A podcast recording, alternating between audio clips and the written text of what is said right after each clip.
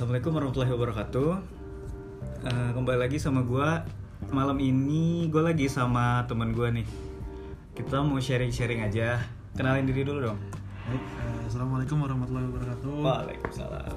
Eh, salam kenal untuk teman-teman semua. Salam kenal. Gua Alvan. Gua teman seperjuangannya Havel di Hmm. Kuliah di perkuliahan. Ah, ceritain dong lo kuliah di mana sih? Nah, jadi gua sama Havel ini sekarang masih kuliah di semester akhir Hmm. di prodi jurusan teknik geologi Hmm. di Universitas Trisakti. Oh gitu. Hmm. Evan, lo asli mana sih? Nah, untuk gua Kaku kaku banget nih. Santai ya. Iya, jadi gua aslinya kebetulan gua lahir di Serang, Banten. Hmm. Gua asli Serang, Banten, keluarga pun semua asli dari Banten. Hmm. Hmm. Berarti lu di Serang udah lama nih ya? Gue dari lahir di Serang, dari Hmm. SD, TK, SD, SMP. Hmm. Nah, kemudian dari pas SMA gue Hmm. pindah sama keluarga ke Bandung dan SMA juga di Bandung. Hmm, Berarti pindah-pindah lah ya hidupnya. Hmm, gitu gitu gitu. Eh, bahas apa ya, Van? Enaknya kita bahas bisnis aja kali ya. Ya, Mungkin kan eh, episode sebelumnya kan belum ada nih kita ngebahas-ngebahas bisnis. Mungkin gue malam ini pengen ngebahas sama lo tentang bisnis aja nih. Gue mau nanya nih, Van. Sharing aja. ya. Eh, kita sharing tentang bisnis nih. Menurut lo eh, di zaman sekarang nih kan, mungkin kita masih kuliah nih. Eh, bisnis tuh penting gak sih buat anak muda sekarang? Mungkin yang masih kuliah maupun yang nggak kuliah nih. Apakah bisnis tuh harus dijadiin eh, utama atau sampingan atau menurut lo gimana nih pandangan lo tentang bisnis? Ya, eh, jadi gini, sebenarnya saudara Havel nih nanya ke gue kayaknya salah juga kayaknya nih. Soalnya gue juga masih masih banyak banget belajar, banyak masih banyak banget butuh pengalaman Hmm, karena ya pengalaman tuh emang nggak ada nggak nggak ada habisnya gitu untuk Iya. kita pelajarin, untuk kita dapetin gitu, dari siapa pun itu. Hmm, benar. Jadi di sini gue mau sharing aja sih tentang sedikit sedikit ilmu, sedikit pengalaman yang gue dapat selama selama di umur gue yang sekarang ini Hmm. dalam dalam dunia bisnis ya, Hmm. dalam bisnis. Paling kalau di dunia bisnis sangat penting sih menurut gue karena Hmm. Kita lebih spesifik mungkin khusus anak muda aja nih ya, Iya. yang masih kuliah nih, gimana? nih? seumuran umuran kita lah gitu ya. Hmm. Jadi di dunia bisnis tuh emang kita dapat mata kuliah di kampus kayak misalkan kewirus, Iya. kewirausahaan gitu-gitu Hmm. kan. Tapi kayak misalkan pengalaman soft skillnya itu nggak akan kita dapat di dunia perkuliahan. Iya, benar. Gitu. Dan itu supaya kita dapat soft skill itu kita harus terjun langsung. Kita harus nyobain langsung ke dunia bisnis tersebut yang kita mau Hmm. geluti itu gitu. Hmm, hmm, hmm. Itu Intinya itu ya. intinya. Hmm, Menurut lo nih, dari pandangan lo nih, dari pengalaman lo, bisnis anak muda yang menjanjikan tuh kayak gimana sih di era yang sekarang nih? Apakah kita sebagai anak muda tuh harus pintar-pintar ngelihat peluang atau gimana nih kalau menurut lo? kalau dilihat dari peluang ya di dunia di zaman sekarang ini Hmm. kita kan termasuk kayak kayak anak milenial nih Iya, disebutnya kan benar. anak milenial itu peluang sebenarnya udah sangat hitung istilahnya padet lah banyak banget Hmm. gitu kan peluang itu tapi kita dapetin peluang itu itu yang penting momen-momen kita Hmm. dapetin si peluang itu itu yang penting menurut gua Hmm. momen pas saat kita ambil keputusan untuk terjun ke peluang itu itu yang penting Hmm, berarti apakah itu bisnis tuh harus diciptain dari ide-ide kita dulu nih? Apa kita harus punya ide apa, terus kita terjun langsung ke lapangan? nah itu untuk meminimalisir si peluang itu Hmm. kita harus tahu medan Hmm. di lapangan lapangan langsung jadi gimana gimana sih kejadian apa aja sih yang dibutuhin oleh sama masyarakat peluang apa sih yang Hmm. yang ada di masyarakat yang yang masyarakat butuhin Hmm. nah itu kita harus kalau mau tahu peluangnya langsung kita harus terjun langsung Hmm, hmm, hmm. Menurut lo peluang apa nih yang mungkin lagi dibutuhin masyarakat yang kita anak kuliah ngelihat harus pintar ngelihat peluangnya tuh gimana nih? itu sebenarnya sifatnya fluktuatif menurut gua Hmm. dan dan itu gue juga masih belajar sih untuk untuk memahami peluang itu Hmm. yang dibutuhkan masyarakat apa karena dunia ini semuanya serba digital semuanya Iya. semuanya semua semua itu yang kita kita mau masyarakat butuhin semuanya sebenarnya udah hampir ada semuanya Hmm. nah tapi apa sih yang pokoknya apa sih yang beda yang belum belum belum ada di suatu daerah tersebut Mhm. atau suatu suatu yang dibutuhin oleh masyarakat tersebut apa sih yang belum ada yang belum ada masyarakat tersebut apa sih gitu Hmm. jadi itu yang susah sih menurut gua Oh, hmm, berarti harus pintar-pintar bareng kita nyari peluang ya. peluang peluang itu penting banget Kita harus berarti ciptain dulu nih ide nih, ide dulu ciptain, baru kita langsung jangan kelamaan mikir, langsung action aja nih ya. dan kalau anak muda kayak kita nih kayak nggak boleh takut terjun langsung atau nggak boleh takut untuk coba gitu. Kita harus coba dulu kalau Ambil aja resiko ya. risikonya tapi kita juga harus harus kalkulasi juga Hmm. maksudnya kita harus kalkulasi kita harus ambil keputusan ini dampaknya resikonya apa aja sih gitu Hmm. jadi kalau misalkan resikonya ini udah diminimalisir seminimalisir mungkin baru kita berani ambil keputusan itu ambil am- Hmm. berani ambil si Iya. peluang itu gitu bicara bisnis nih Van gue mau nanya eh, lo udah pernah belum sampai sekarang nih lo terjun di dunia bisnis udah belum ya sebenarnya gue kalau gue yang gue jalan sekarang Hmm. itu ada dari bisnis bisnis keluarga sih sebenarnya Hmm. bisnis keluarga boleh sharing nggak bisnis apa sih sebenarnya nah kalau dari keluarga tuh gue yang gue jalanin dari dulu udah lama udah lama udah lumayan lama lah Hmm. itu di bisnis di bidang tour and travel. Oh. Hmm. travel. Terus terus kemudian gue ada lagi kembangin di bidang properti. Hmm. Hmm. kayak propertinya khususnya kayak ruko oh. terus kayak kos kosan gitu gitu berarti sampai saat ini lo udah terjun dari dua bisnis itu lah ya tour and travel sama eh, properti itu. Kalau yang bisnis eh, tour travel nih awal kali lo bikin tuh tahun berapa sih awalnya gimana nih? Ya jadi sejarahnya itu orang tua bangun travel itu di tahun 2010 Hmm. 2010 awalnya. Udah 9 tahun lalu berarti ya? Lumayan udah lumayan lah. Hmm. lumayan. dan itu di 2010 itu itu orang tua bangunnya ya bener-bener dari dari nol banget gitu dari dari dari dari tahu dunia travel tuh apa gitu. Hmm. Nggak tahu hiruk pikuk travel tuh gimana gitu.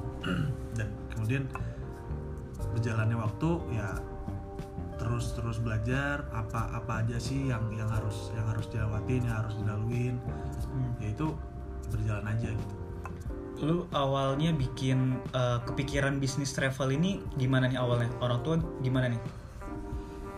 Nah, kenapa itu- milih bisnis ini gitu itu kan kebetulan di 2010 itu gue kira-kira umur SM SMP lah eh SMP SMA lah SMP Hmm. SMP SD SD mau lulus SMP Hmm. baru mau, mau masuk SMP Hmm. itu bokap gue kebangun nah itu kan gue gue masih masih umur segitu masih belum ngerti tuh gimana Hmm. nah tapi berjalannya waktu gue umur SMA masuk SMA nah itu gue udah udah udah mulai gimana sih berjalannya si travel ini gimana sih mekanismenya segala macam lah itu.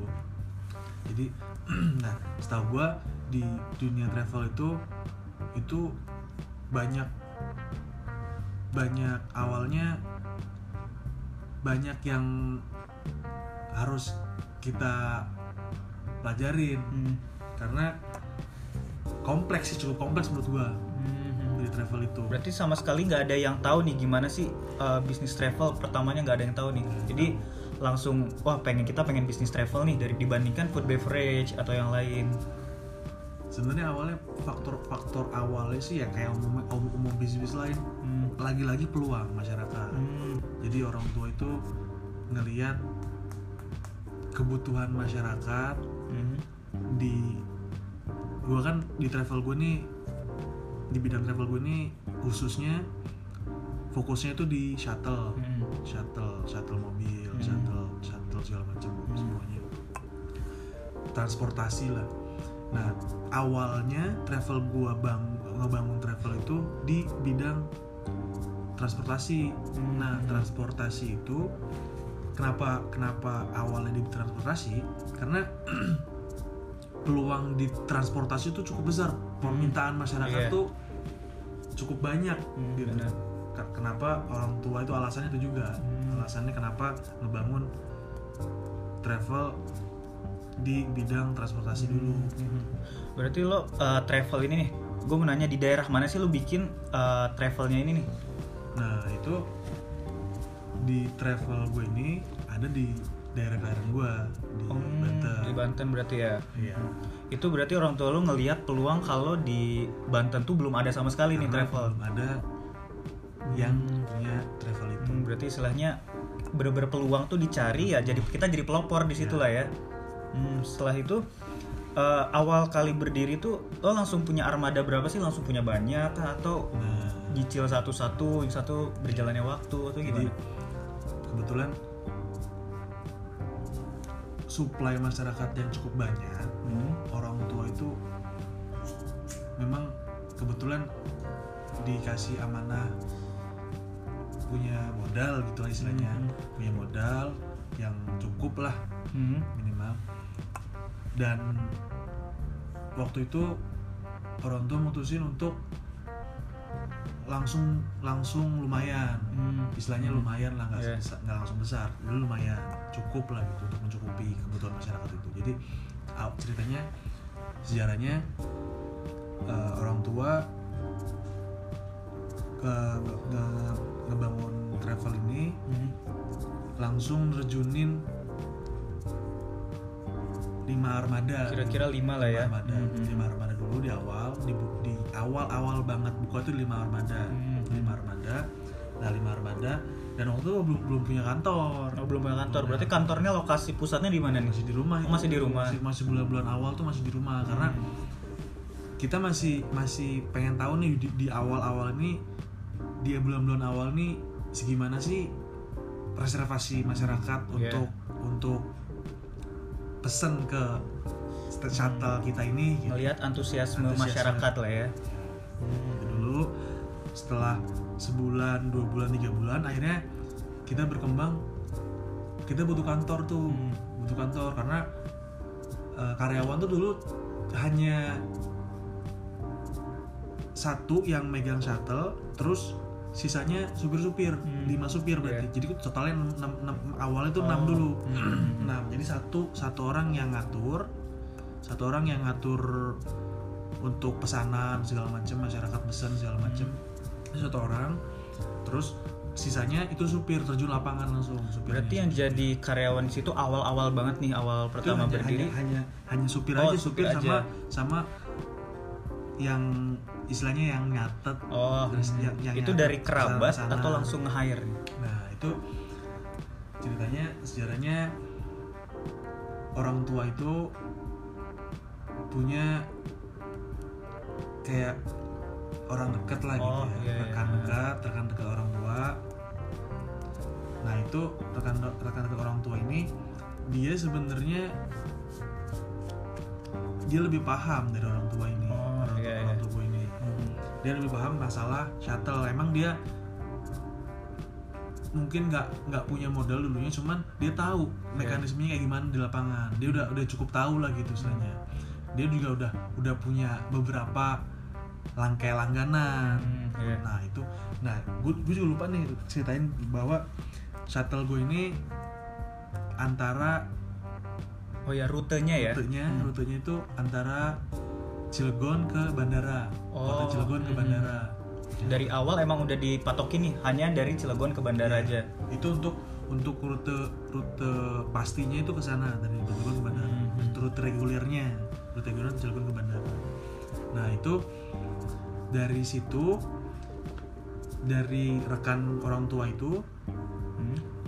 itu mulai dari situ dikumpulin semua dikumpulin yang mau mesen tuh udah lumayan banyak gitu ya Hmm. udah lumayan udah lumayan akhirnya berjalan berjalan berjalan berjalan akhirnya berkembang kita nah harus kita kekurangan kekurangan armada Hmm, ya. kekurangan armada lagi Hmm. nah setelah setelah jalan hampir belum setahun sih sebenarnya belum setahun kita udah udah udah harus nambah armada lagi Hmm, hmm, hmm. orang tua harus sama modal untuk menambah armada lagi Berarti lu saat itu lu ikut belajar juga lah ya gimana cara uh, ngehandle si travelnya ini. Lu diajar diajarin atau uh, lu pengen tahu sendiri nih? itu sebenarnya otodidak sih jatuhnya Hmm. kayak gue ngeliat jalannya travel orang mesen gini terus bikin ngatur ngatur jadwal berangkat jam segini jam segini jam segini jadi informasi juga nih jadwal jadwal di travel gue itu per dua jam sekali Per paling pa- jam. per pa- paling pagi itu jam 4 pagi paling sore itu di jam 6, 6, 6 sore itu per dua jam rutenya ada dua jam dua jam dua jam Itu rutenya dari Cilegon ke bandara aja atau ada orang yang dari bandara bisa ke Cilegon juga? itu pulang pergi Pulang pergi. pulang pergi Hmm. Untuk ngatur si rutenya itu sama ngatur si matokin harganya nih sesuai rute dan uh, tol segala macam itu Ya. gimana didiskusiin gimana nih awalnya? Nah itu itu kan si rekan orang tua ini dia udah sebenarnya udah pernah udah kayak udah kayak udah terjun dia udah terjun untuk ba- ser- bawa penumpang dari Cilegon ke bandara bandara ke Cilegon Hmm, pulang iya. pergi dan dia udah dia udah kalkulasiin berapa biaya bensin biaya tol Hmm. berapa aja sih apa sih apa sih uh, administrasi yang harus dibutuhin berapa aja gitu Hmm. Itu awal-awalnya lu eh, cara orang biar reservasinya tuh gimana? Apakah online, by phone, atau langsung datang tempat? awalnya awalnya itu hanya by phone aja Hmm, by phone. by phone by phone itu penumpang penumpang penumpang langganan yang dari rekan gue ini rekan eh, rekan rekan orang tua gue ini itu awalnya itu itu dulu dan Hmm. dan kemudian dilanjut nyebar brosur segala macam promosi-promosi marketingnya dari situ Nah, cara marketingnya gimana nih? Mungkin di Cilegon kan eh, zaman 2010 nih kan belum terkenal nih internet kan. Nah, cara ngepromosiinnya apakah dari orang ke orang, mulut ke mulut, ditempel di koran atau gimana tuh cara dulu ngepromosi? dulu sebelum sebelum sebelum brosur ya Hmm. sebelum brosur tuh jadi misalkan kita bawa penumpang si ibu ini misalkan Hmm. ibu ini puas dengan reservasi kita dengan servis kita gitu. Hmm. dengan dengan dengan servis kita dia puas dia cerita ke saudaranya. Oh nanti kalau misalkan mau ke bandara pakai travel ini aja. Awal dari situ dari mulut dari mulut dulu. Dari mulut mulut ke mulut dulu mulut ke mulut dulu akhirnya berkembang berkembang. Nambah dari saudara dari dari ibu ini punya saudara saudara ini punya teman teman ini punya teman lagi teman Iya, iya. segala macam.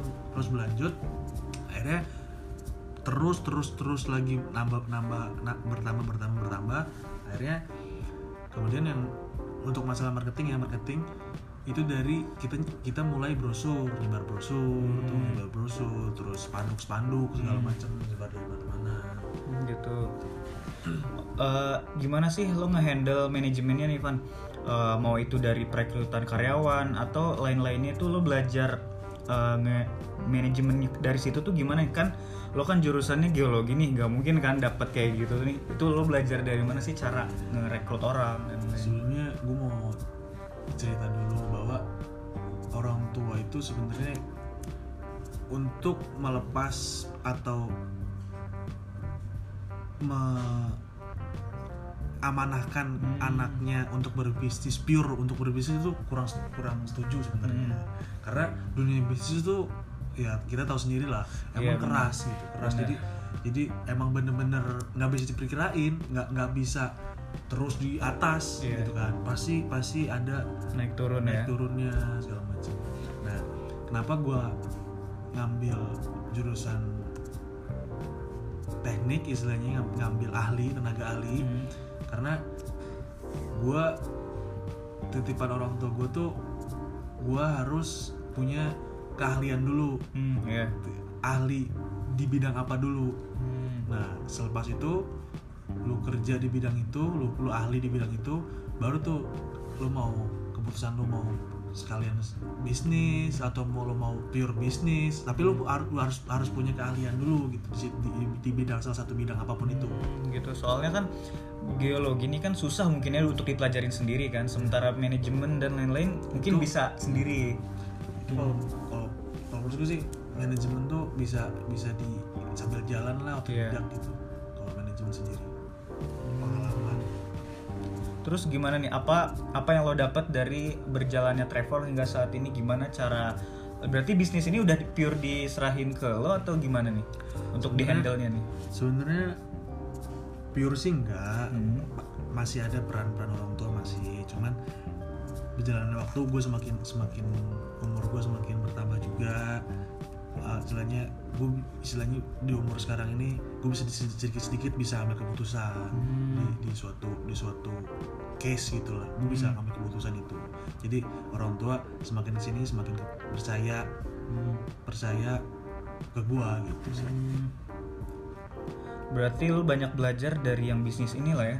Kalau nah gue mau nanya lagi nih untuk yang bisnis yang satunya nih itu lo ngehandle nya gimana nih? Di- beda beda nggak nih? Cara ngehandle bisnis tour travel untuk baik itu lo ngehandle karyawannya segala macem dibandingkan dengan yang properti ini. Ngehandle nya sama nggak sih? Kalau dibandingkan travel jauh lebih mudah sih menurut gua kalau properti ya. Hmm. properti itu kayak lu invest di bangunan lu lu lu tawar-tawarin ke orang orang itu mau sewa atau gimana lu tinggal tinggal lebih lebih mudah sih menurut gua lebih lebih enak lah gitu. Lu tinggal tawarin ke orang orang itu mau sewa lu tinggal bikin agreement letternya Hmm. udah itu ya lu tinggal setuju aja persetu- persetujuan an- antara penyewa dan yang punya. Berarti lebih susah ngehandle karyawan di yang tour travel lah ya. Ada pengalaman gak lu uh, pengalaman di tour travel nih cara ngehandle karyawannya?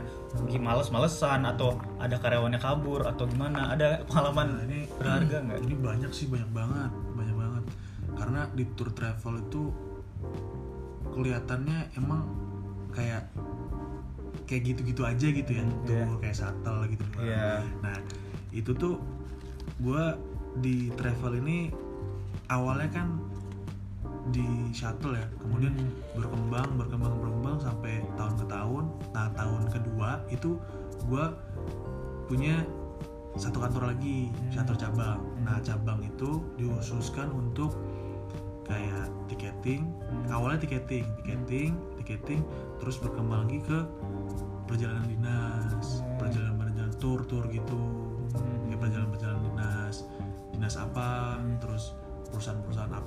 itu itu gue yang handle. Berarti uh, sampai saat ini nih nggak cuma uh, tour travel aja ke bandara aja ya udah banyak banget ya? Udah alhamdulillah sih udah udah berkembang. Untuk sampai saat ini kan uh, serba internet nih serba gampang. Untuk reservasi apa masih by phone atau lo udah nyoba terjun ke yang internet nih? Kemudian di masalah untuk reservasi ya Hmm. reservasi itu di tahun 2007 belum lama sih 2018 kemarin eh, Baru-baru ini lah ya. baru-baru ini 2017 18 Hmm. itu gue punya metode baru untuk Hmm. masalah reservasi Hmm. Nah, itu juga bekerja sama sama orang IT.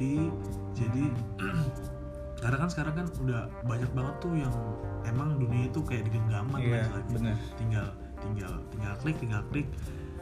Itu gua kemarin punya metode baru untuk mencetuskan masalah reservasi di aplikasi, bikin Hmm, gitu. aplikasi. Hmm.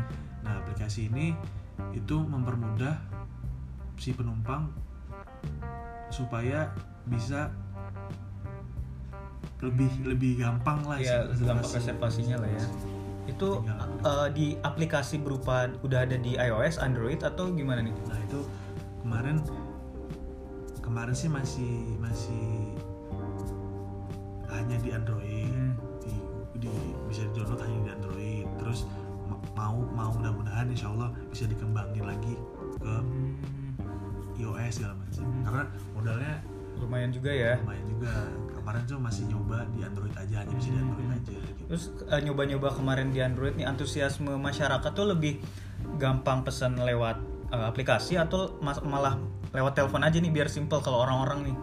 Nah itu masih 50-50 sekarang.